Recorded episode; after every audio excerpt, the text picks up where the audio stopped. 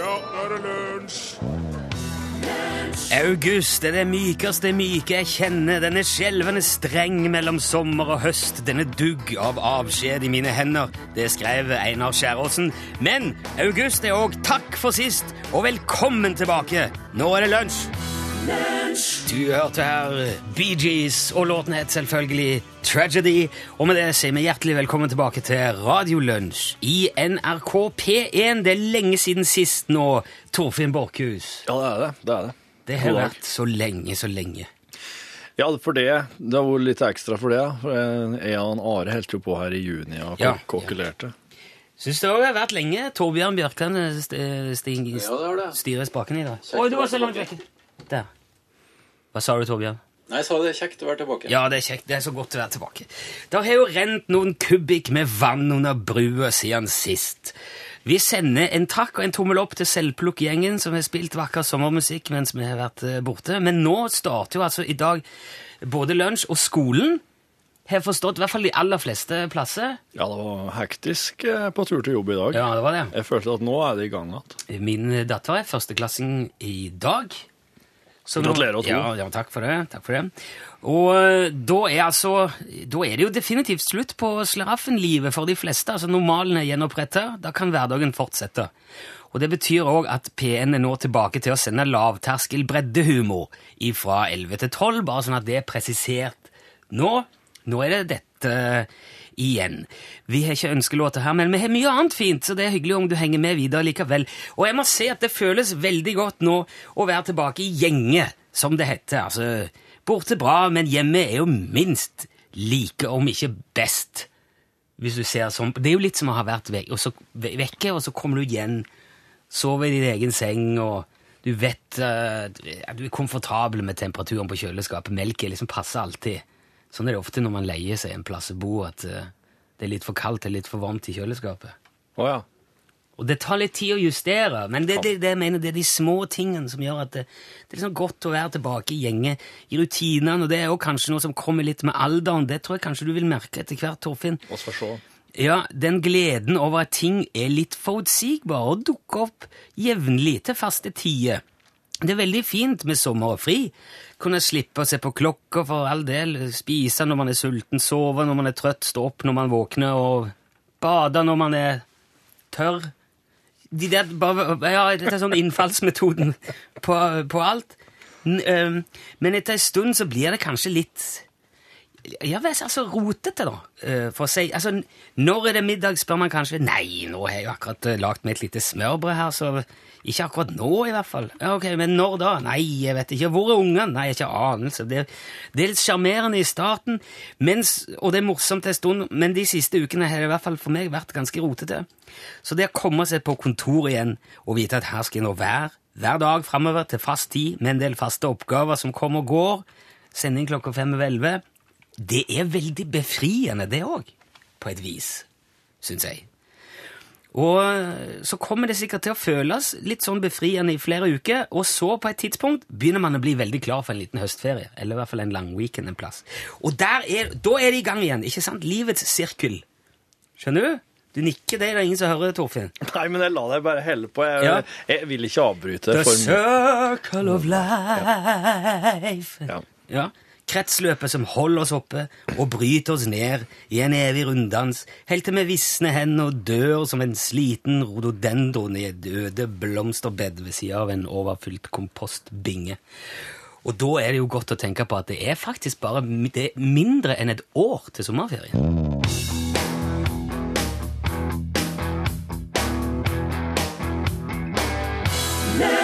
Det var 12 volt.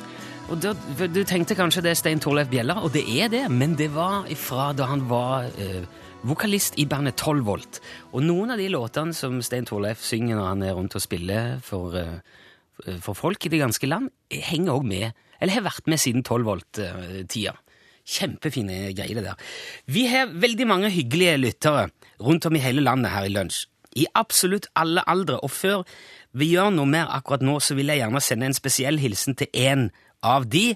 Det er Bertha Skogen. Hun hører på lunsj eh, eh, hver dag hjemme i min hjemby, Egersund. Fast lunsjlytter, og fylte altså respektable 100 år i juli. Det syns vi er veldig stas. Et fremragende eksempel Bertha, på at humor har ikke noe aldersgrense. Og siden vi har hatt sendepause nå i sommer, så har jeg ikke fått gratulert henne på selve dagen. Så vi tar det altså nå. Eh, gratulerer så mye med dagen, Bertha. Veldig hyggelig at du er med oss i eh, Radiolunsjen. Vi skal jo gå rett på sak. Vi gjør ofte det. Gå rett på sak. Og de eh, oppvakte, drevne lunsjlyttere vet hva det går i. Men eh, det er en twist. Jeg skal ikke si mer. Dette er ganske spennende. Nå skal vi se. Bare Det er direkte radio. Utslagsnes Transport og Skarv, god dag.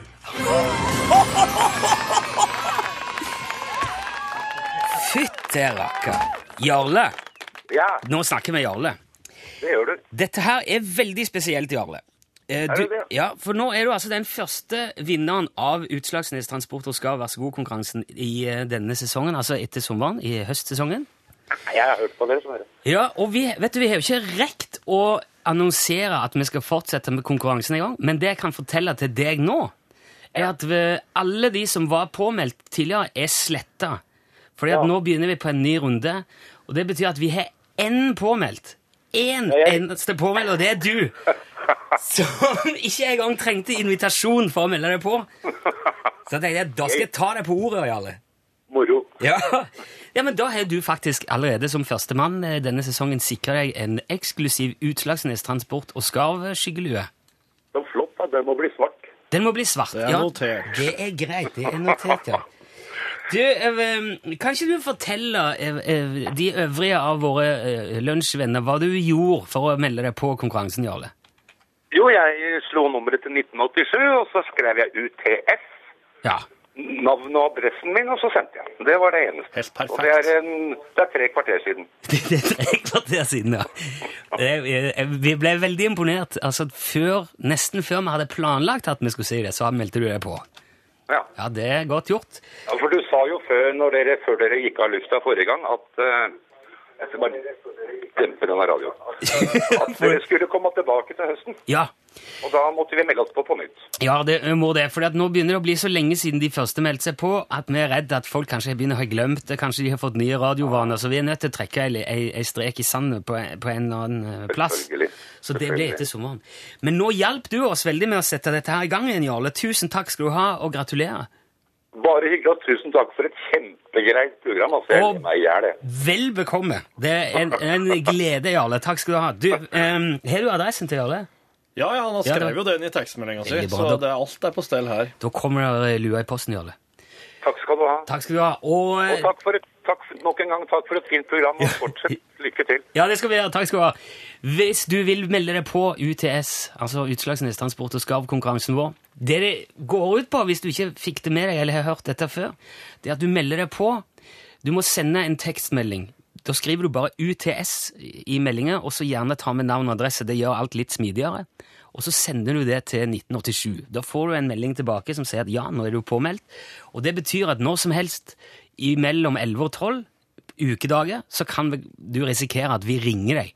Og da må du svare 'Utslagsnes Transport og Skarv, vær så god'. Hvis du gjør det, så vinner du etter denne eksklusive skyggelua vår. Hvis du ikke gjør det, så får du et plaster på såret og en takk for innsatsen. der. Er sant, det er sant. Ja. Ok, da var det òg i gang. Ikke verst. Nei, nå er vi jo nesten, det er jo nesten som det ikke har vært sommer i det hele tatt. Det eneste som mangler nå, det er å ringe Ståle. Det tar vi straks. Vi må ha med oss eh, Jake Bugg før det. Dette er Broken.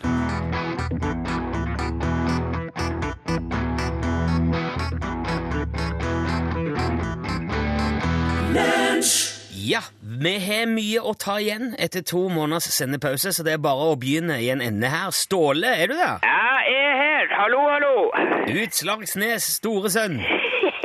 ja, det kan du si. Ja. Har du hatt en fin ferie, Ståle? Ferie. Ja.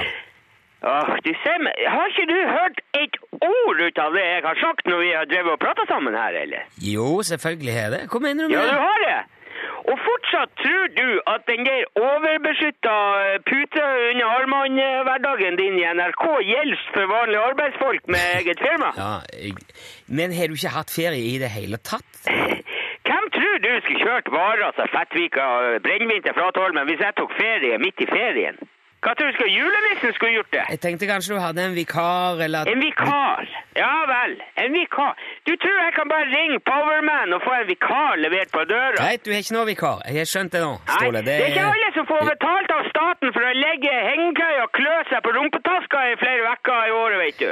Ja, det er greit. Ja, det er det. Men hva har du jobba med hele sommeren, da? Har Du, du det har vært alt ifra altså Fra det ene til det andre, det, altså. Ja? Ja, vi har hatt et hav av turister her ute nå i sommer, og de skal jo ha sett både morgen og kveld og Ja, men bruker du den der båten din til dette her òg, da? Den der militære båten? jeg, jeg har brukt båten til Altså, den, den båten eh, der har, har ikke det, det er egentlig Det er ikke så veldig det er, nei, altså, nei, jeg, jeg bruker ikke eh, båten eh, nå. Før sommeren så skulle du til med noe sjøtransport. Som ikke viste på radar med, med den der båten. eh. Ja, og det, det kunne jeg for så vidt godt gjort òg. Han visste jo ikke på radaren, den eh, båten Men der. hva er, er det Har det skjedd noe med, med båten i sommer, eller? Altså, skjedd og skjedd. Det skjer jo alltid noe. Det er jo ikke sånn at det bare skjer, eh, at det ikke skjer noen ting her nordpå. Tror du bare det er sørpå at det skjer ting? Det var ikke det jeg sa. Nei, nei, men det var det du mente. Jeg bare spør hva som har skjedd med båten. Har du båten ennå, Ståle? Nei. Eh, nei vel? Nei, jeg har ikke det. Jeg har ikke det. Men men hvorfor har du ikke det? Fordi jeg har øh, solgt den til en kar. Ja, men du hadde jo akkurat fått satt den i stand og pustet opp. Ja, jeg vet det. Jeg, øh, Ja, men hvorfor vil du ikke ha båt lenger? fordi at den er ikke heil lenger. Er den ikke heil? Nei, Men hva mener du med den det? er ikke så hel som øh, det den var i øh, starten. Den er, den, er, den er delt. Den er delt. Ja, i to. Er båten delt i to? Ja, kløyva tvert i to som er vedski på en hoggestoppe. Hvordan i all verden har du fått til det? Delt Nei, altså, han ble jo, øh, han ble jo angrepet, den der båten, da. Han ble angrepet. Han, hva, hva er han blitt angrepet av? Av øh, marinen, så klart. Du, hallo, høy, høy. Har du blitt angrepet av den norske marinen? Nei, nei, nei, ikke, nor ikke er du gal. Det amerikanske med Altså US Navy. Men det, Jeg det, kjøpte jo båten ut av dem. Eller ikke, ikke av dem, men altså fra Eller etter dem. Ikke så, De, de hadde den jo først, ikke sant? Ja, men- men... så solgte jo dem eh, den til han eh, Sergej oppe i Murmansk der, ikke sant? ja, det, det fortalte du jo i vår, når vi snakket om den der båten. Ja, og eh, da var den jo i veldig dårlig stand, men så fiksa vi jo den opp, ikke sant? Og så fikk den jo ned hit. Ja, Ja, men så viste det seg jo at det var, det var jo ikke lov plutselig å ha det. ja men det, det, snakk, det sa jo til deg, Ståle, for det, han ble jo garantert solgt som skrapjern. Ja, jeg vet Ja. det, men du må da kunne bruke det skrapjernet til hva du vil. Jo, men nei, det er ikke akkurat det samme. Det var jo et militært fartøy. Det er sikkert fullt av hemmeligheter og våpenteknologi og sånn. Det var eh, ikke noe våpen i den. Det Nei, men du skjønner hva jeg mener. Det, Jeg skjønner i hvert fall hva US Navy mener, for de forklarte med et helsikes maskingevær. Skøyt de på deg? Ikke, ikke på meg, men på båten. Mens den lå fortøyd uh, på ei blåse ute på Splitholmen der. Yes, det Ja, ja, de kappa hele skuta tvert i to med et maskingevær.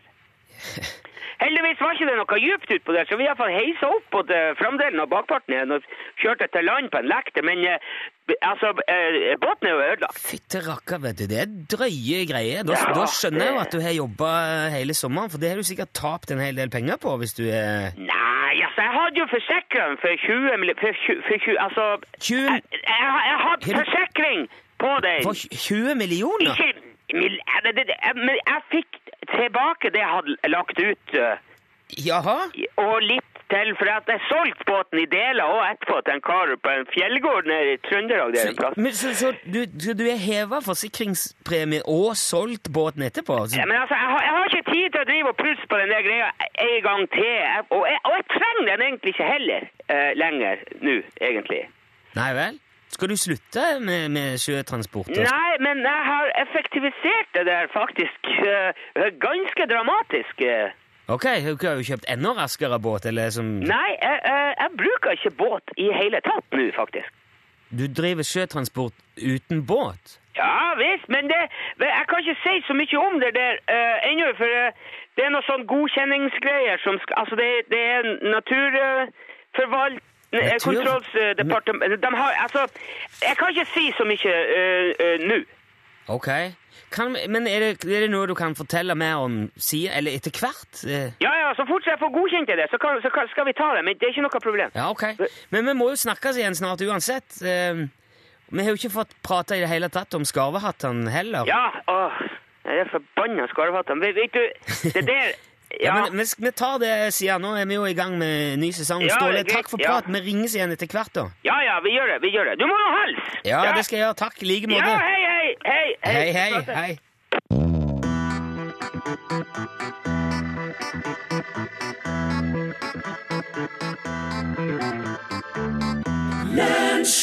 Det var Marie Kloppbakken sin sommerdrøm du hørte i Lunsj på P1. I sommer så fikk jeg klarhet i en ting som jeg har stussa veldig over veldig lenge. Så bra. Ting som når jeg, når jeg er ute og går, og så ser jeg eh, sko som henger knyttet opp eh, på telefonlinjer. Og Ja. strøm. Det, er, ikke det et sånn, er ikke det et eh, varsel om eh, narkotikahandel i nabolaget? At man henger opp det når man skal Ja, Det har jeg hørt, i hvert fall. Ja, jeg, jeg har hørt rykter om det her at liksom, hvis, du ser noen sko som henger knyttet opp med reimene, så, så er det liksom her kan du få kjøpt narkotika en eller annen plass. Men jeg har også tenkt sånn at jeg har også trodd at det var mobbing.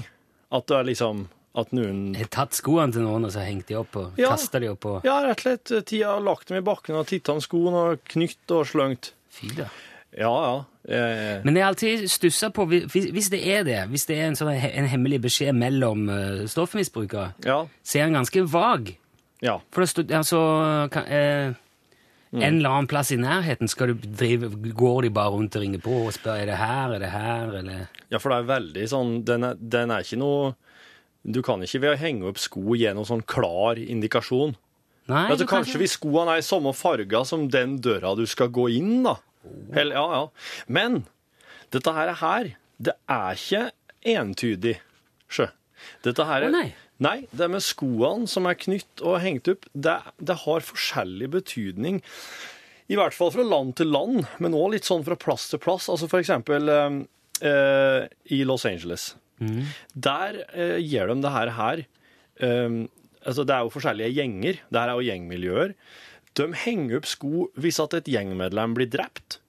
Da henger de opp en sko til minne om vedkommende, så det er nesten som en gravstøtte. som, ja, I en her, telefonledning. Her skjedde det.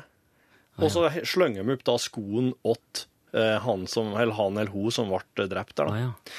Eh, I Spania så er det slik at eh, der har du litt sånn som du, du sier. Det er ikke nødvendigvis at her kan du få kjøpt narkotika, men hvis det henger sko oppi telefonlinene der, så er det et signal fra kriminelle til politiet om at her eh, skal politiet helle seg unna. Jaha. At her er det liksom eh, Dere bør ikke få inn her. Ja, nei, nei, hvis jeg hadde vært politi, så er det jo der jeg hadde dratt. da. Det er det er, jo som, det er jo som å sette opp et skilt og si ja, 'her holder vi på', altså. Bare så du vet det. kriminell aktivitet rett fram. Ja, nei, det er ikke det, så det, Men det kan hende at det er en sånn slags sånn motsatt psykologi. da, At de eh, lurer politiet vekk. Ja. Fra, oh, ja. ja. at, at de sier at her bør dere holde dere unna. Ja, skal vi dra ned i eh, Så det blir sånn tilsvarende. Vi drar ned i bygda og henger opp noen sko bare Ja. på gleip, liksom. Ja. I, eh, i, I New York så bruker de det som en slags sånn minnebok, et sånn, eller et slags et sånn fotoalbum. Altså at folk på et eh, Folk tar skoene sine opp i løpet av livet, og bare når skoene er utslitt, i, så tar de skoene og knytter dem opp og slenger dem oppi, og så bare henger de der. Og så kan de på en plass der de går forbi ofte. Og når de da går forbi der, så kaster de opp et blikk, og så ser de skoene de hadde på seg i 93. Så det er som en slags sånn Ja, et slags eh, rart ja, det er nesten i stedet for graffiti, da. Det, det, det, det er jo rotete. Det, er jo, det henger jo søppel oppi, Ja, det, det gjør det. I allmennheten. Vet ikke hva jeg syns om det. Men det blir, altså, fotoalbum blir jo søppel til slutt, det òg. Ja, ja. I eh, Australia så har de de to eh, kanskje eh, snodigste. Um, der har de et som sier at hvis du slutter i jobben, begynner i ny jobb, så, slenger du de skoene du hadde på deg når du slutter, oppi telefonledninga der du slutta. Ah, ja. Skal over i ny jobb. Så da ser de liksom Da har du hengende skoene til alle tidligere ansatte. Ja. Så kan du se på utsida av firmaet om det er dårlige tider. Ja. Hvis det henger mye sko, så da går det dårlig. Er Det det sagt opp mye folk. Det der var Melbourne. Her er Sydney sin. Det er den mest kuriøse, syns jeg. I Sydney så slenger gutter og jenter skoene sine opp i telefonledninger eh, rett, nå, for å markere at nå er jeg ikke jomfru lenger. Ok. Det skulle, jo, det skulle jo hengt ganske mange i Sydney, da. Vil jeg, egentlig, hvis han skal følge den logikken. Ja, jeg vet ikke, jeg kjenner ikke så mange i Sydney. Jeg vet ikke hvordan de Ikke jeg. Det er mulig de eh, virkelig at det er neddynger i telefonledningene. Ja, ja. Eller kanskje ikke Nei, Kanskje vet, jeg ikke. Vet du noe om hvordan det fungerer i si, for eksempel um, si, sier Trondheim, da, for å ta en helt tilfeldig by i Norge?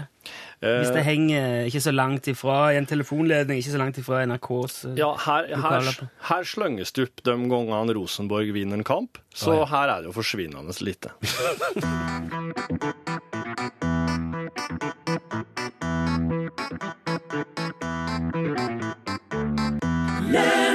Du har akkurat hørt uh, Just a Little Teardrop, uh, skrevet og framført av norske The Pussycats. Og uh, det er en glede for meg å kunne introdusere ny, noe nytt som skal foregå i lunsj her framover. Uh, og vi begynner med rett og slett med et sånn lydkjennetegn, tenker jeg.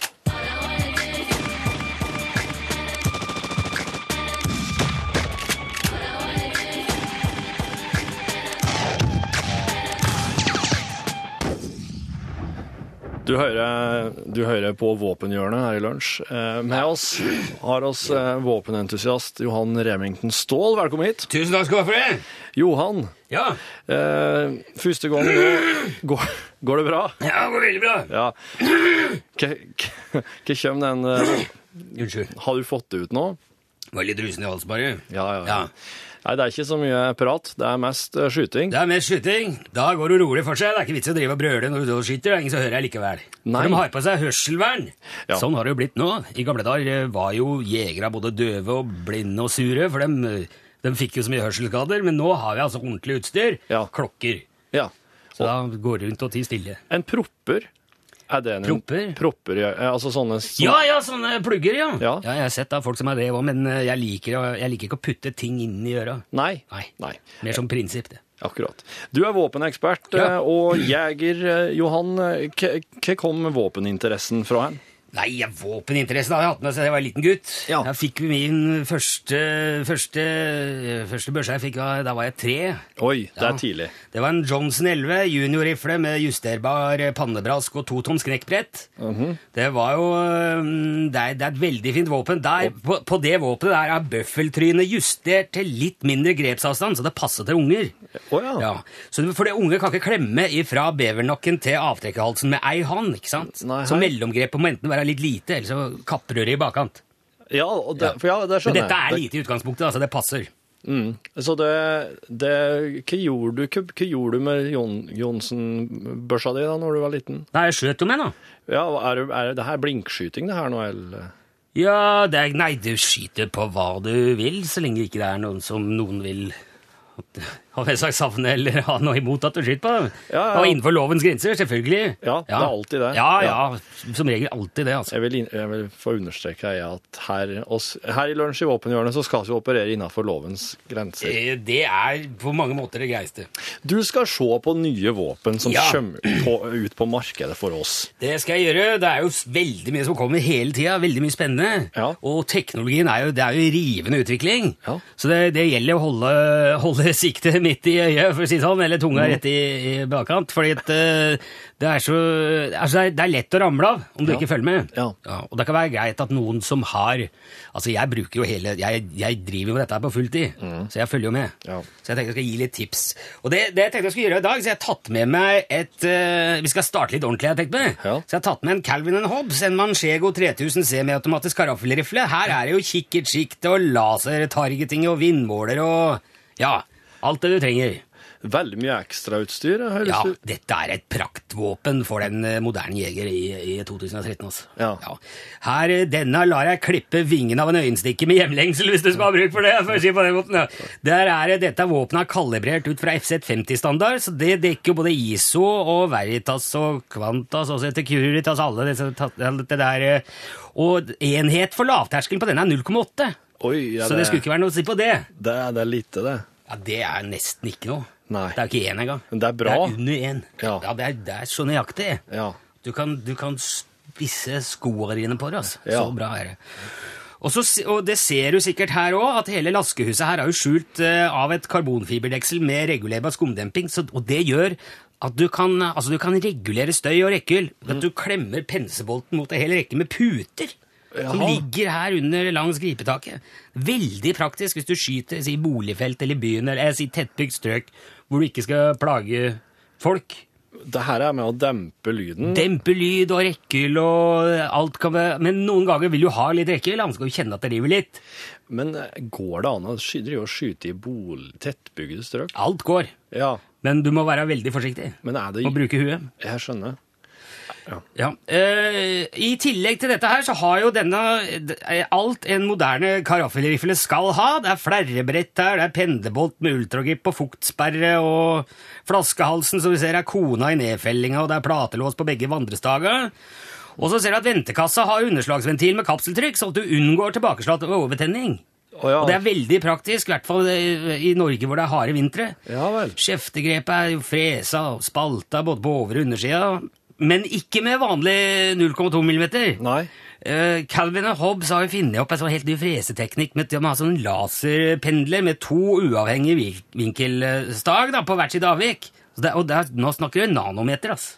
Ohoi. Ja, det, er, det, er helt, det høres jo helt tullete ut, for Ja. tenk, tenker jo at dette kan jo umulig merke på børsa, men det gjør det, altså. Du gjør det? Ja, det merker du veldig godt. Sekundærlakken i skjeftegrepet kan den begynner jo gjerne å boble etter noen år. Aha. Spesielt hvis du går mye myr eller langs vannet. ikke sant? Oh, ja. ja, ja, Men eh, med denne her nye teknikken så låses heftestoffene mot underlagsgrepet før de legger sjakkelgrep i nedfellinga, så det er på en måte innbakt. Det har mye å si. Da, bob, da bobler det ikke Aldri. i myra. Nei. Så har du òg at på den forrige karaffelrifla til Calvin Hobbes så kunne du innimellom oppleve at det ble litt sånn underkast i baksiktet hvis du brukte enkelte asiatisk produserte ammunisjoner. Å, sier du det, ja? Ja, Det eh, betyr ikke nødvendigvis at ammunisjonen er dårlig. Nei. Nei, Det har litt med Altså Altså, Klemfalsen i hylsene kan vri seg hvis ikke det vakuumpakkes ordentlig, eller transportfirmaet ikke bruker fuktkontroll, for det, det reiser jo langt. Ja, det Ofte med båt. Ja, ja. Og det er jo fryktelig plagsomt når det skjer. Så derfor har de på denne børsa laga altså en egen falsebrett i løpskanalen, og den reguleres med en bitte liten forlenger til ladebolten, så det er, springfjær i loddeknuten. da. Er det det, ja? Ja, så den klemmer bare når det trengs. Ja. Eh, men du drar jo litt Altså, hvis du merker Si at du merker at det er slerk i topplua, da. Ja. Så gir du et lite, bitte lite knepp i ladebolten der, så laskes falsen jevnt i blåsekammeret før fallknappen detter ned. Det er, det er genialt system, ser du. Og da, det, det, det tror jeg flere kommer til å kopiere. Ja, for det her er Calvin og Hobbes eh, for seg og sjøl ja. eksklusiv på. Ja. Og slik jeg ser det, for å bare oppsummere, da, helt Ja, til slutt, ja. eh, at eh, det er én svakhet ved denne børsa, og det er den overliggende underløpskanalen. Det er litt overraskende, for Cavison Hobbes har vært veldig bra på det tidligere. Jeg fatter ikke hvorfor jeg har lagt punktfresinger langs hele kanalen, for det er både en fettkammer og fjærhusbolt her. Eh, Får du først kast i stempelrommet, da, så er det umulig å justere igjen uten å file akseltrykk og flatuleringshuset, og det er en stor jobb. Da må du ut med overslagskamera og fjærknuten, og så må du kalibrere kompresjonsregulatoren helt fra bunn. Og da trenger du utstyr som de fleste ikke har hjemme. Du må ha kompresjonsregulator, du kalibrerer slike ting. Ja, ja, ok. Det er, ikke, det er dyrt. Ja, vel, det Men det er sjelden at det skjer. Så det, det hadde vært fullt mulig å unngå dette her med sømfresing av eh, underløpskanalen. Men eh, De har punktfresa, men likevel vil jeg anbefale børsa. Dette er et praktvåpen. Billigere òg. Ja. 58 000 kroner. Så dette, dette går jeg god for. Calvin og Hobbes uh, sine. Manchego-rifle. Kjempeprodusent karaffelrifle. Karaffelrifle anbefales. Tusen takk, Johan Remington Ståhl. Bare hyggelig, det må jeg si.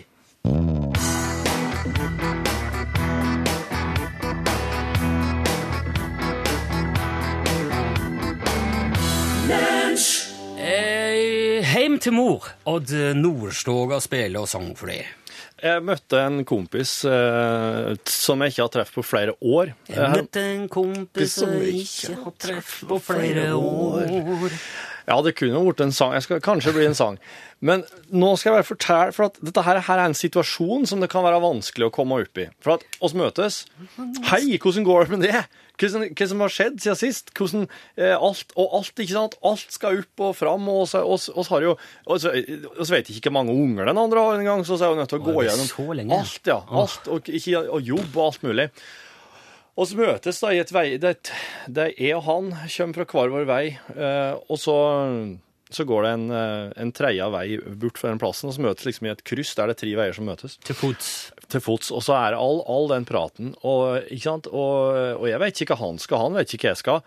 Eh, og så når vi har prata, prata ferdig om alt, når alt er på bordet, alt er sagt, så sier vi ja, det var, det, var, det var trivelig, altså. Det var skikkelig artig treffes igjen. Jeg håper ikke blir så lenge til neste gang. Hei, Kjell, altså, ha det bra. Og så skal han samme veien! og så skal han ned den tredje veien, begge to! Og så spør oss ikke! Jeg spør ikke hva han skal, han spør ikke jeg kan, for, for alle sagt jeg skal nedover der. Men det skal jeg òg! Da tar jeg oss følge. Ja, så Og da sto vi oss der prater mens vi går. Prate mens vi går. Men når dere gikk ned samme veien, ble det helt stille? da? For da var det, det var prata Han hadde jo prata tomt! Det var ikke 18 år. Var det flaut? Veldig flaut. Og det vil jeg skal, folk skal unngå. Spør hva skal du hen? Spør ganske tidlig om det i samtalen. Men eh, Vel bekomme. ja, Tusen takk. Her er Bright Lights, Bigger City, skrevet og framført av CeeLo Green.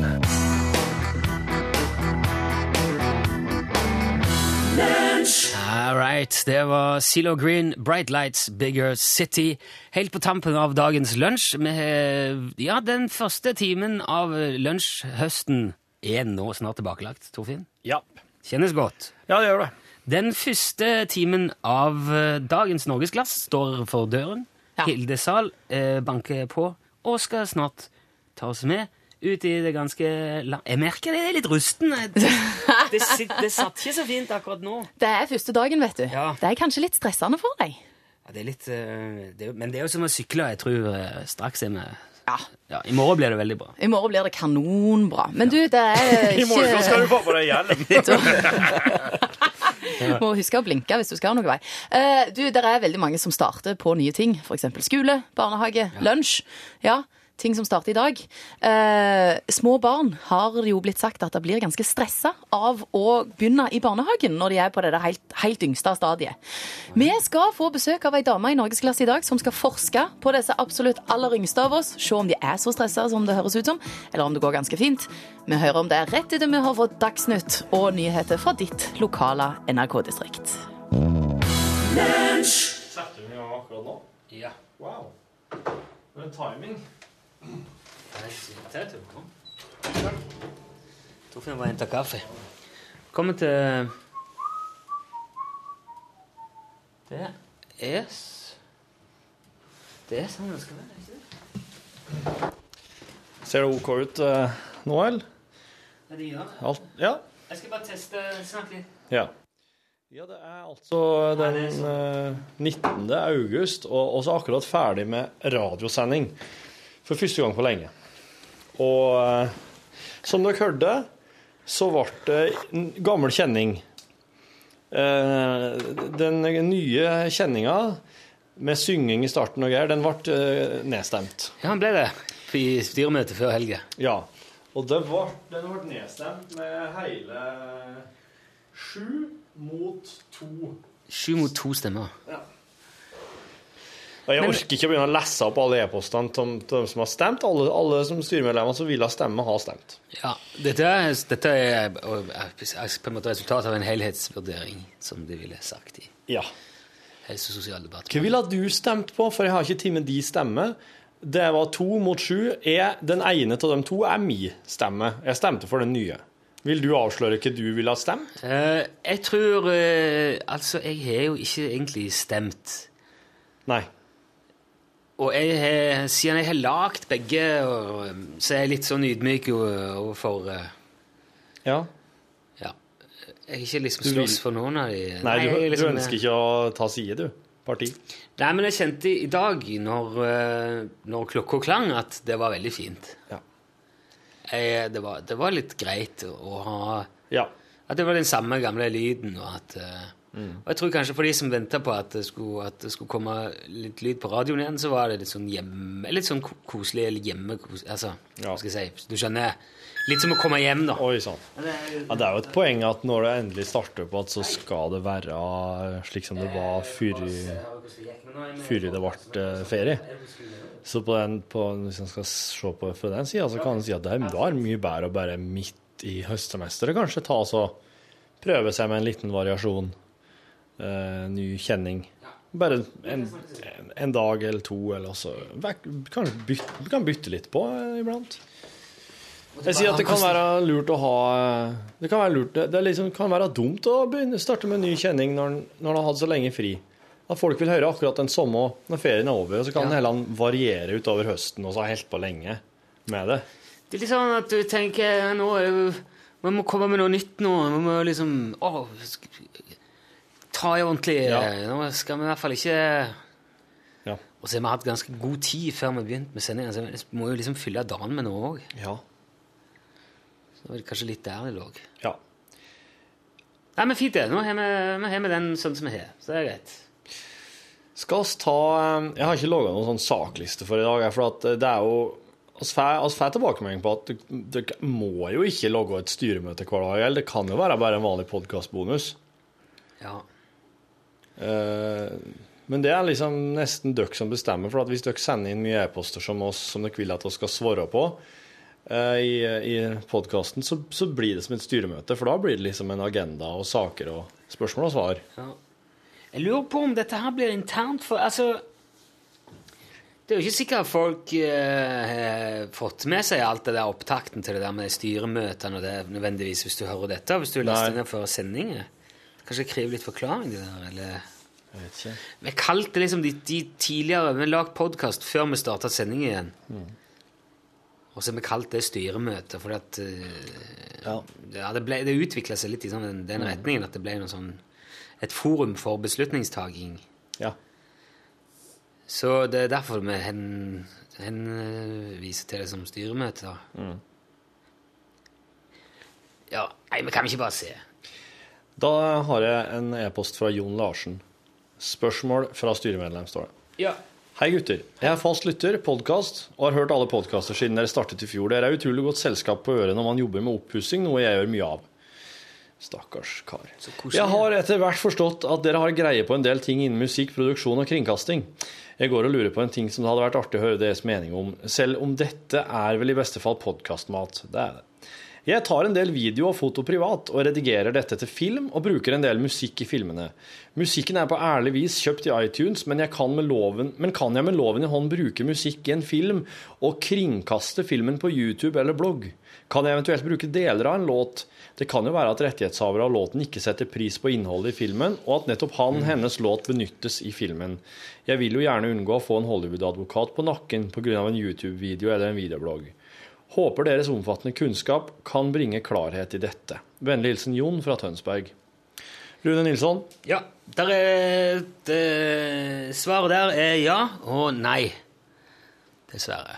så ja, du kan bruke Nei, det er sånn Altså, det er mange eksempler på folk som har lagt ut filmer med, med musikk, som har fått eh, ganske krasse brev eh, med beskjed om at fjern den videoen nå, eller så saksøker vi deg for 60 000 fantasiliarder dollar Ja. hver dag i et år Ja, fra nå. fra nå. Hvis ikke du fjerner med en gang. Eh, for- Det kommer litt an på hvem som står bak. Jeg har inntrykk av at de aller fleste som artister sjøl bryr seg ikke så mye om det. Syns det er litt uh, artig å at man eh, setter pris på musikken, og at det dukker opp der. Og... Ja. Men altså, sånn rent teknisk så har du vel ikke lov. Eh, For vår del Du må så- i hvert fall kreditere musikken for å gjøre dem litt Ja. happy, og da kan hende de ser gjennom fingrene med det. Men det, det, blir, det er en slags videredistribusjon, og det har du ikke lov til. Nei. Sånn i eh, Etter lovens bokstav, da. For det er jo ikke artistene sjøl engang som håndhever det her, det er jo plateselskaper som, eh, som sitter og ser på det her. Men jeg vet ikke helt hvordan det er med YouTube. Om det, det er vel YouTube som er på en, måte ansvarlig eh, redaktør. Så jeg vet ikke om de på en måte i siste instans blir ansvarlig, eh, sånn at du ikke risikerer så mye annet enn at de fjerner videoen din hvis de får tips om det. Ja. Det er ikke sånn, Du blir ikke sex, saksøkt for 60 fantasilliarder dollar hver dag med en gang. Nei. Du får en sjanse. Men der, jeg vet at det er jo en slags forskjell i eh, Fordi at hvis du, hvis du videredistribueres i form av nedlasting, altså hvis du legger det ut sånn at det kan lastes ned, da er det, det er hakket mer alvorlig. For da, Ja. da gjør du låten tilgjengelig for andre, sånn at de kan tilegne seg som egen eiendom. Ja. Men det å streame tror jeg er mindre alvorlig. Kan jeg eventuelt bruke deler av en låt, skriver hun. Nei, det har ikke noe å si. Nei. Faktisk ikke. Om, eh, det er noen sånn Tidligere gikk det rykter om at 20 sekunder var lov, og sånn, men det er det ikke. Nei. Men Musikk så, musikk. sånn journalistisk så kan du, hvis det er helt nødvendig, eh, spille av eh, noe lydklipp, men, men da skal det kunne brukes for å utfylle der det er nødvendig. Men det er ikke Nei, men i sånn en liten sk- Jeg tror aldri noen ville lage trøbbel av det, altså. Du hører den der, den der uh, Harlem Shuffle-låten. Ja. Hvem er det som står? Det er en som en uh, Det er han Bo Bauer. Bauer, ja. Ja.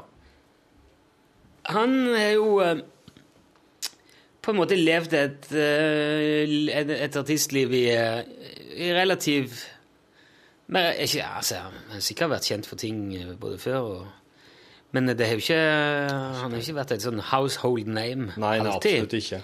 Så var det vel, det vel en norsk eh, fyr som egentlig satte i gang det der, eh, noe sånn eh, heimeverns- eller en militær greie. Ja. Folk som gikk amok med den der Harlem Shuffle og la det ut på YouTube. Ja. Og det har jo gjort at han plutselig spiller for utsolgte festivaler over hele verden, fordi at det er blitt en farsott. Yep. Og de, veldig mange artister ser jo verdien i litt sånn ekstra profilering. Hvis du lager noe ordentlig gøy, så får en million treff, og så er det deres låt. Det er jo Det er kjempereklame. veldig bra. Så du, men, du, men så treffer du plutselig som major-selskap, eller så er du så uheldig at du bruker et eller annet av Madonna. Og vet du hva, Madonna Hun er jo ikke riktig i hodet. Vet du hva jeg hørte om Madonna? Nei. Av en fyr som hadde jobba med sikkerhet på en konsert Ja. til hun. At, I eh, Russland? Var det i Russland? Nei, det var i Norge. Når hun eh, ja, Ingen av eh, sikkerhetsvaktene fikk lov å se på henne. Alle må snu seg vekk når hun kommer på scenen. Ja. Ingen eh, av de som står vakt foran scenen når de har prøver, får lov til å snu seg mot scenen og se på henne. Så det var en som ble kastet ut fordi at han var så frekk at han snudde på hodet for å viderebringe en beskjed til de andre vaktene som han hadde fått på øret. Ja. Rett ut. Som den der historien om Christian Ingebrigtsen fortalte når han traff Prince på Top of the Pops i England. Nei. Hvordan er det nå? jeg ikke gjort det? Nei, det Fantastisk historie. Det må jeg ha fortalt før. Ja, de jeg fikk beskjed om at hvis eh, Når Prince kom, så måtte alle snu seg vekk og ikke se på han. OK. Hvis han skulle på green room, eller på liksom det der eh, Ja, på green Altså det der eh, oppholdsrommet bak scenen, Ja. så måtte alle de andre gå vekk. Gå ut. Så traff han han i en sånn gang mellom garderober og green room. Christian Ingebrigtsen hadde vært og fått uh, sminke eller var på do eller et eller annet før de skulle opptre. da. ja. Og da kom en Og han hadde ikke fått beskjed om det? Jo, han hadde jo det, men altså Du kommer gående Og så kommer prins liksom med hele det der kostebinderiet sitt og Mhm. en livvakt på tre meter og 600 kilo. sånn at det går i front der. En stiger, svær, svart mann som Ja. er kjempe, kjempeskummel. ja. Og han bare peker på Ingebrigtsen og sier You turn against the wall now! Og da tenker jo Ingebrigtsen at nei, faen jeg, Her kommer jeg liksom eh, med på topp over props med de var, Jeg vet ikke hvor henne de var på listene, men de, de liksom Nei, vet du hva? Det, det, jeg driver ikke og snur meg inntil veggen fordi han prins kommer dinglende her. Da tar han livvakten tak i han i, i liksom kragen og holder han med makt inn mot veggen, mens prins går bare forbi og bare kikker på ham med en sånn fårete blikk. Og bare suser forbi der. Lille rotta på N46, eller hva han er. Det her har jeg ikke hørt Samtidig, eh, Wow. Nei, det fortalte han en gang. eh, Og jeg måtte spørre han igjen er det sant. det der? Og han, han gjentok historien. og sa, Ja visst, det er sant. Og jeg syns det er veldig kult at han forteller den, for det, der har du Prince. Eh, Jeg hørte om Madonna når hun var i Russland, at hun krevde at alle, alle eh, doringene skulle byttes ut. Det skulle være flunka nye doringer når hun kom eh, på backstagen og sånn. Og på hotellet og der hun bodde. og sånn. Mista det da, vet du. Jeg bare mista det. Åh, kabbala. Uh, but can we not just wash with good washing powder? No! That's not good enough! Hun er jo som Ceaucescu, som hadde en ny dress og frakk hengende i, i skapet for hver dag. Ja. 365 antrekk hadde han identisk. Ikke, jeg vet ikke det var en Det er bare noen hitlåter som sjøl Madonna og Nicola og Nicolai Ceaucescu. Eh, det er litt, det er litt eh, Det skal jeg si til Madonna hvis jeg treffer henne på butikken eller et eller annet. Du, faen meg akkurat lik Ceaucescu, du. Ja, Der står du med ryggen mot veggen og Du er faen meg så lik Ceaucescu! Nå kommer jeg, nå kom jeg på at Med eh, batong mot uh, korsryggen står du der. Jeg kom på at en annen eh, programleder i P3 Jeg skal ikke si navn. Skal du ikke det? Vil, han- vil han eller hun ikke like det? Nei, ja, det er jo sagt på radioen, da. Det er det. Så det kan ja, du si det. Ja, ok, det var Hasse Lindmo i opptur, vel. Ja. Prince fikk jo barn, vet du, Ja. Som døde. Han har en veldig trist historie. OK. Uff da. Og den, jeg tror det var kanskje bare en dag eller to etterpå. Så, og da, da drev Prince og bytta navn. Han skulle ikke være Prince, han skulle, han skulle være bare det symbolet. Eller Tafkap. Ja. The artist formerly known as Ja. Prince. Ja, ja, ja. Og det var, jo, det var jo veldig sånn forvirrende tid for oss som jobber i radio. For hva faen skal du si om han? Ja. Kan- du bruke Prince om de gamle låtene, eller er det Ja, ja. Tafkap der òg, eller? ja. Så han introduserte han som the artist Formally known as Dad. Og det var jo ikke noe fint. Jeg tror det kom litt sånn in the heat of the moment. Ofte. det var- Ja. Men det er litt artig, det, da. Nei, det var ikke noe artig. Det var, det var heftige saker. Det ble sånn anekdotehjørne. Mens vi er inne på det forferdelige da, innenfor artistlivet, så la seg jo nylig Altså, det finnes jo veldig mange sånne uh, urbane legender Det finnes en forferdelig dårlig norsk navn. Urban Legends. Ja, myte. Ja, myter. Urban ja, myter. myter. Og, og da var det liksom sånn Hva noen myter er det du tror på? Som du, som du ærlig og oppriktig tror på?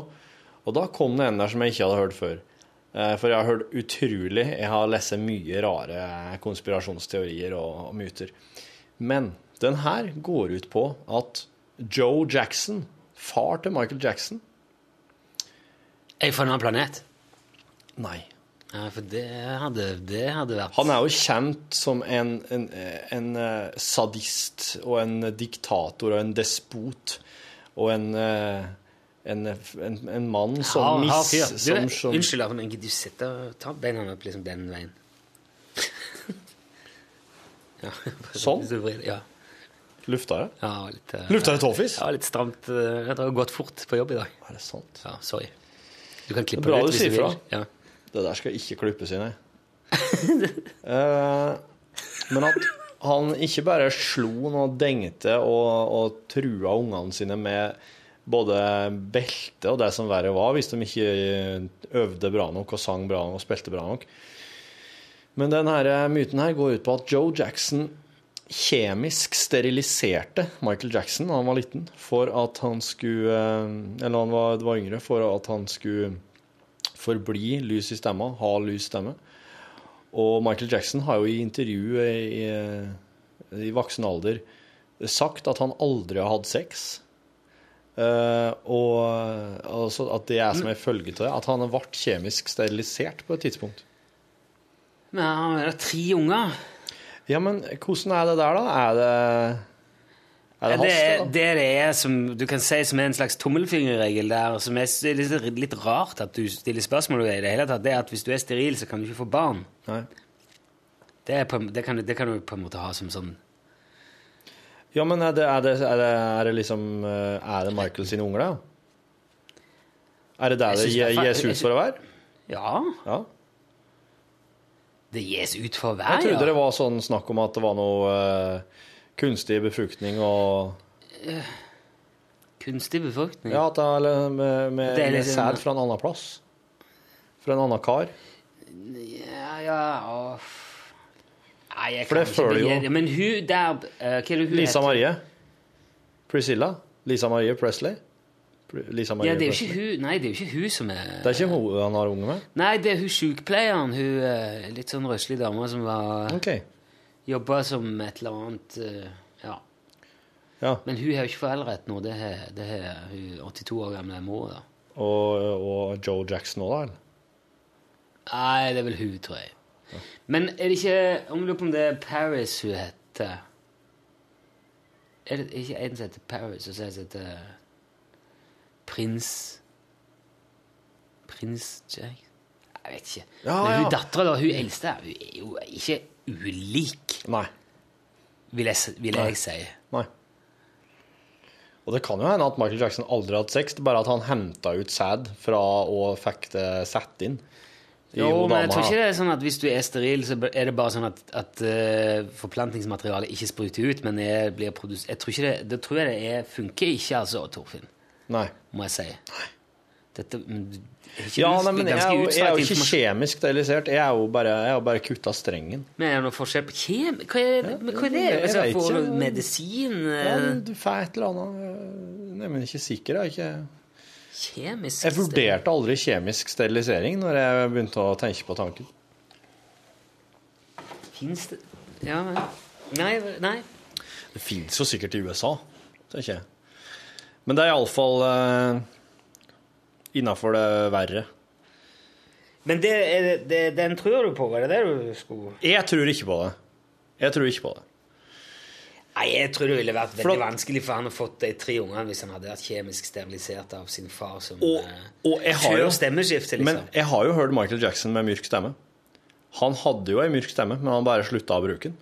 For det særde ikke. Det var ikke det var ikke det han ville ha i musikken. Nei, og eh, det har jeg hørt folk fortelle om når han driver varme opp. Han har, han har et helt enormt Yep. spenn i Yep. Han kan gå over mangfoldige oktaver. Ja. Men- Langt ned. ja. Han har eh, den, han har den, den mørke, men, men det Altså, jeg har bare hørt det i et intervju der han Jeg tror nesten at vi, han, han, for, han forglemmer seg, og så kommer han sånn Hello, wow, wow. Kanskje. Um, og så har jeg fått en lydquiz, forresten. Oh, Vil du spille den eh, på anlegget ditt? vil du ta den Kanskje du skal ta den der? Kan, her? Ja, Skal jeg prøve? prøv. Fredrik, telefonen, da. Fredrik har sendt oss Dette er en daglig organisk lyd. Det er én lyd sammensatt av mange smålyder. Ignorer kirke, knirkelyden. Lykke til. Å, har du hørt på den? Nei. Det er ikke noe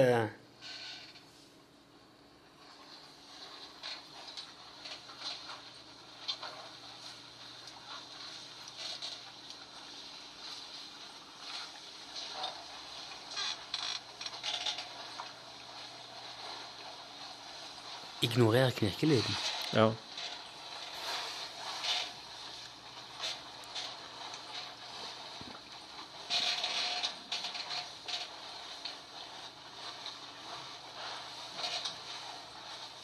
Nei, må ha Det må, ha på, må være på et anlegg, altså. Det der er, det er for tynn. Det der, Ja, Men det blir ikke så bra i eh, Skal vi se Hvor er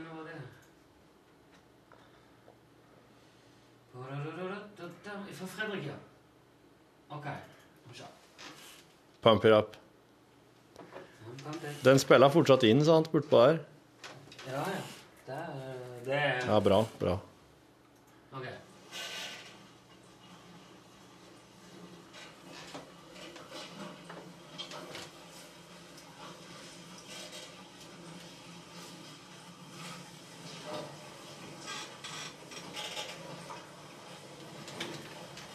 Sånn tre, tre, trimming i eh, at du Tenkte kanskje det var en Det er ikke en um, ergometersykkel, for da er det mye mer sånn Det er ikke romaskin.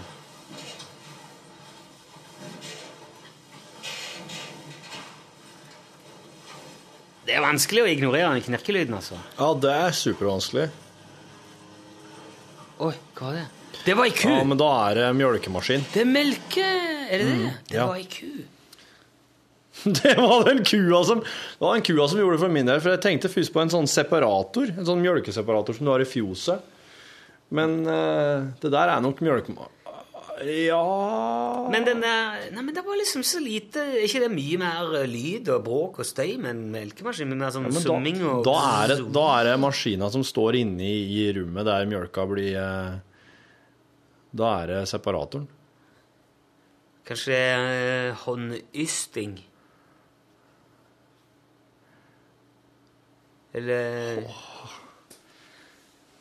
Men det var så rolig. Det er ikke noen maskindur eller Nei. det, det, Ja, så, det er jo en organisk lyd, ja. Det er jo ikke noe eh, Skal vi se. Så det er en eller annen syssel, da, som man gjør. Jeg hører ikke noe høy, så det er ikke noe sånn sparing av det. Det er liksom bare noe som er ganske sånn rolig og forsiktig som foregår. eh, Du holder på med Men allikevel forårsaker bevegelse i møblement, selv om det var noe vi skulle ignorere. Jeg ble veldig nysgjerrig på hvor knirking For det må jo ha noe med det å gjøre på et eller annet vis. Ja. Det må, tenker jeg. Og den kua, den var den, det hørte det, det, For det kom liksom ifra uti der. Ja, jeg tenker bare at, at det er et tilstøtende rom Ja, i et fjøs. der er Og eh, det er da den store tanken der det røres.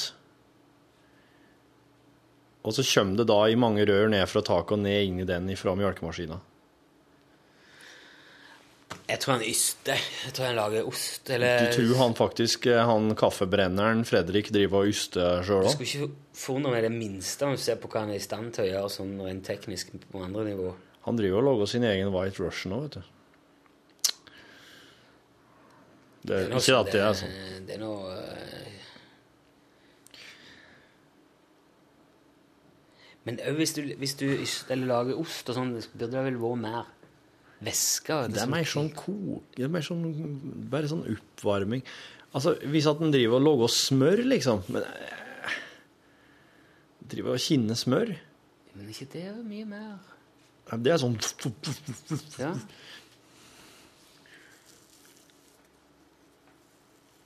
Men hva, skal vi bare skrive mjølkemaskin for å prøve å være litt sånn generell?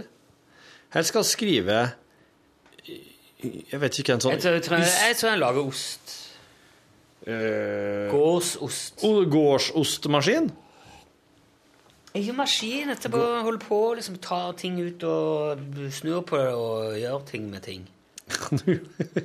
Slik, ja. Ja. oh, herregud. Eh, ost For det er noe sånn gjør ting med å holde på og noe greier med noe ting. Det er jo det det er. Hører du? Nei, hva gjør du i et sånt rom eh, som, er, er til, som er, ligger tilstøtende?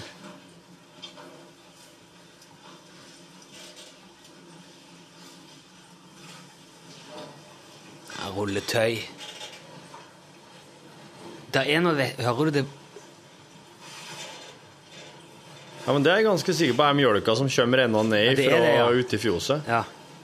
Ned i tanken. Men da står alt pumpeopplegget altså en annen plass? Da er det bare et rør som kommer inn? Ja, det er røyr, det er rør som kommer, går i taket, og som kommer ned inn i eh, mjølkerommet.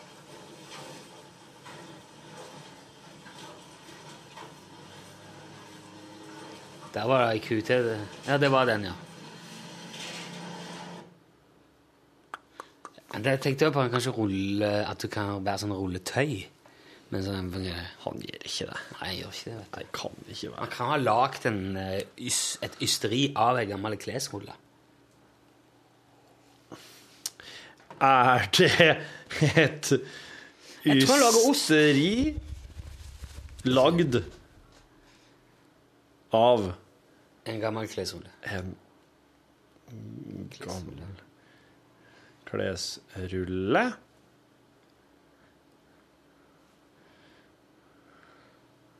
Tenk så Det der har du det, vet du, når du ikke Det er lett. Veldig bra. Det er så oppgave, spesifikt, vet du. Um, OK. Prøv det. så var det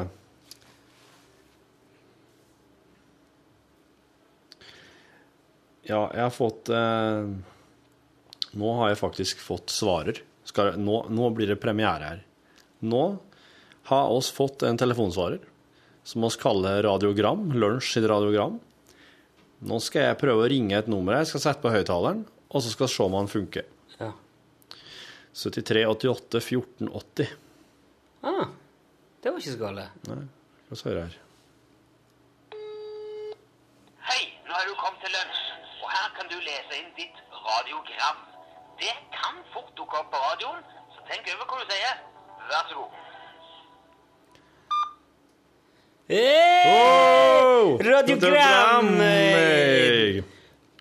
Premiere! Faen, Hva skal det være sånn, da? Å ja, Å ja, sånn teatersport, eh, Å, ja, så gjort så mye mye jeg har snakker etter munnen?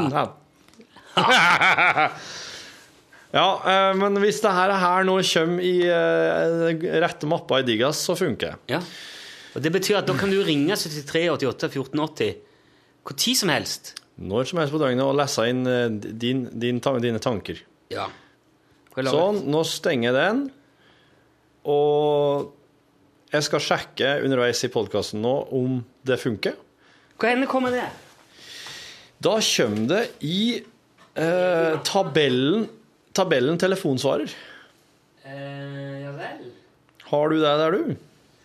Vet du, Jeg er så kul at jeg tror jeg har alle de der tabellene borti. Ja, så klart. Jeg, for jeg er mer i tvil. Skal vi se. Telefonsvarer Oslo.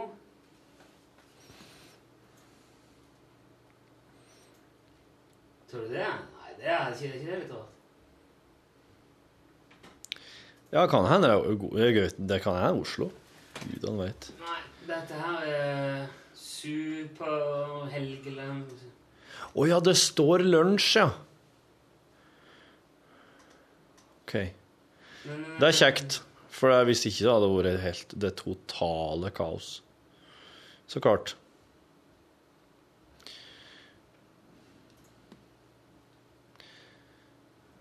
Men hold snak, Ja, å, ja, ja, ja, ja, ja. Bjørn Ove Finseth har sendt oss en e-post der han eh, skriver Den har han sendt bare til meg, ja.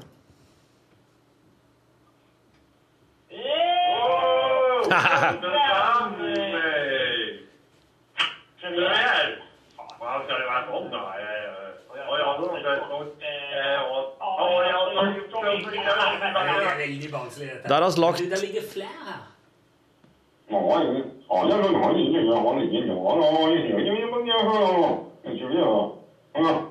Det var en som prøvde å være Bob Kåre. Tester igjen.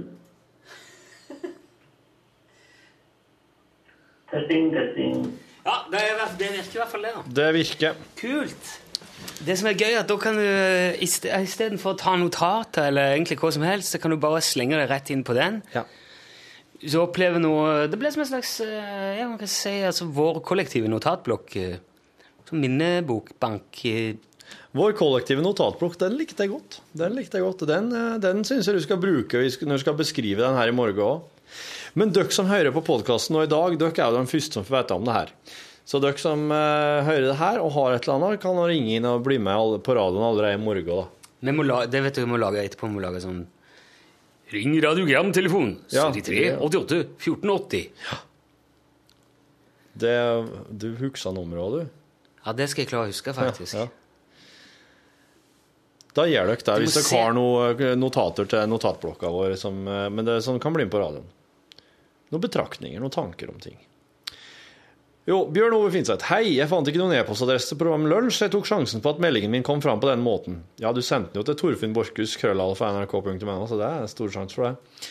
Jeg sitter på Hopen, og herifra har jeg ikke mulighet til å sende SMS til et firesifret nummer, dessverre. Hopen? Du, du, du kan jo gjøre deg en Hopen? Hopen er jo en plass i Nord-Norge. Å ja. Du kan jo sende SMS til firesifra nå. Ja, ja. Jeg lurer bare på om dere har fått noen oppdatering på hvordan det står til med squashplanten jeg vant da Are ledet programmet før sommeren, og som jeg donerte til Tyholt sykehjem. Hadde vært artig å få vite om planten har overlevd sommeren, og om den har båret frukt, eller grønnsaken squash, da. Kommer til å høre på hvert eneste program utover hele høst, mens jeg lager mat på kjøkkenet her og ser utover Barentshavet østover mot Novaya Semlja. Jeg ser ikke det øya da. Med vennlig hilsen ishavskokk Bjørn Ove, Hopen meteorologiske stasjon, 9174 Hopen. OK, dette her Eh. For da er det kanskje sånn at eh, OK, ja vel. Ja vel. Akkurat, ja. Hva har du? Hopen. Det er ei øy som utgjør en del av Svalbard. Ja, akkurat, ja. Så er der Tre kilometer lang, to kilometer brei. Ja, ikke sant? Metod... Wow! Var du der, ja?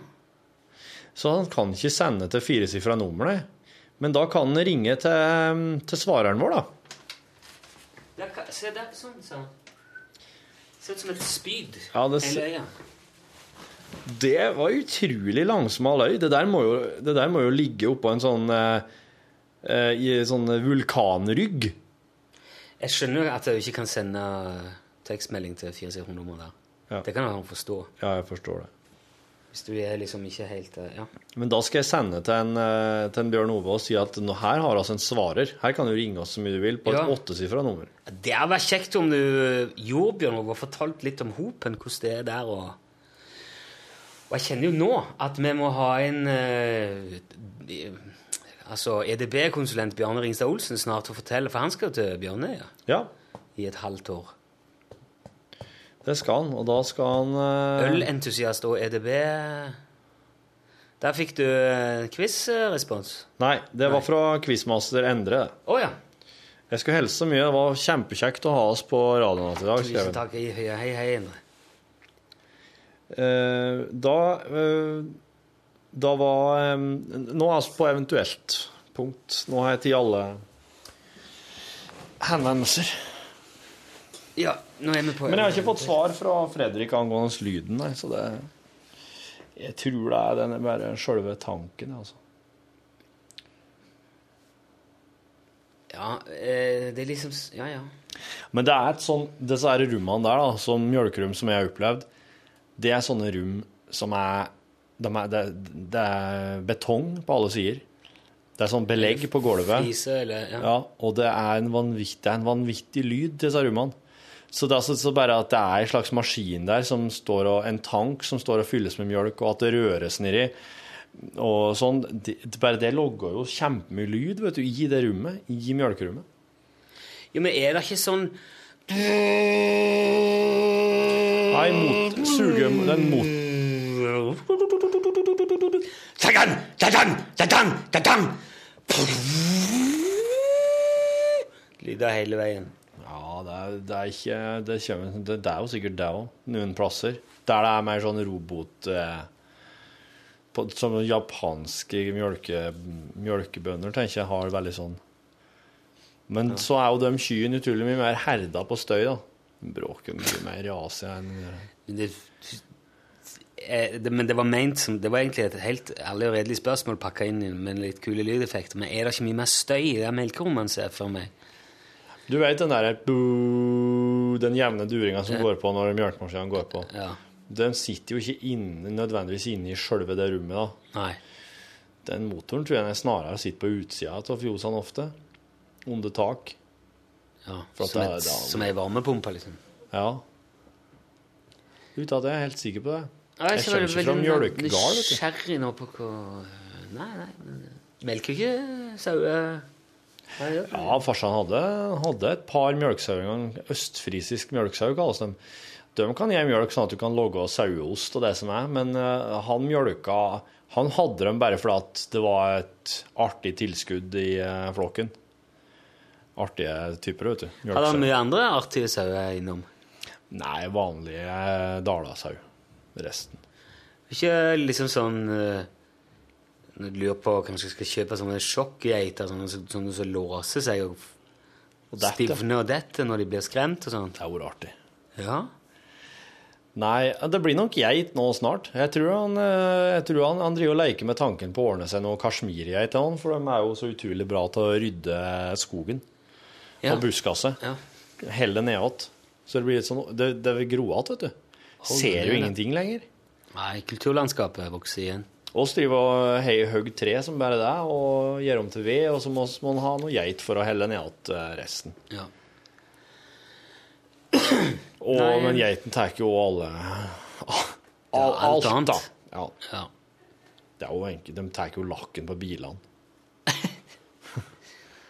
Spiser lakk. Det er så spesielt, det. Men det er mulig at det er noe til lakk da, som er liksom bra for eh, immunforsvaret deres og sånn. Ja. Det er nesten sånn at det som ikke dreper deg, det er jo bra for immunforsvaret ditt. Sånn tror jeg det er med geiten òg. Bare at de har høyere terskel. Toleranse.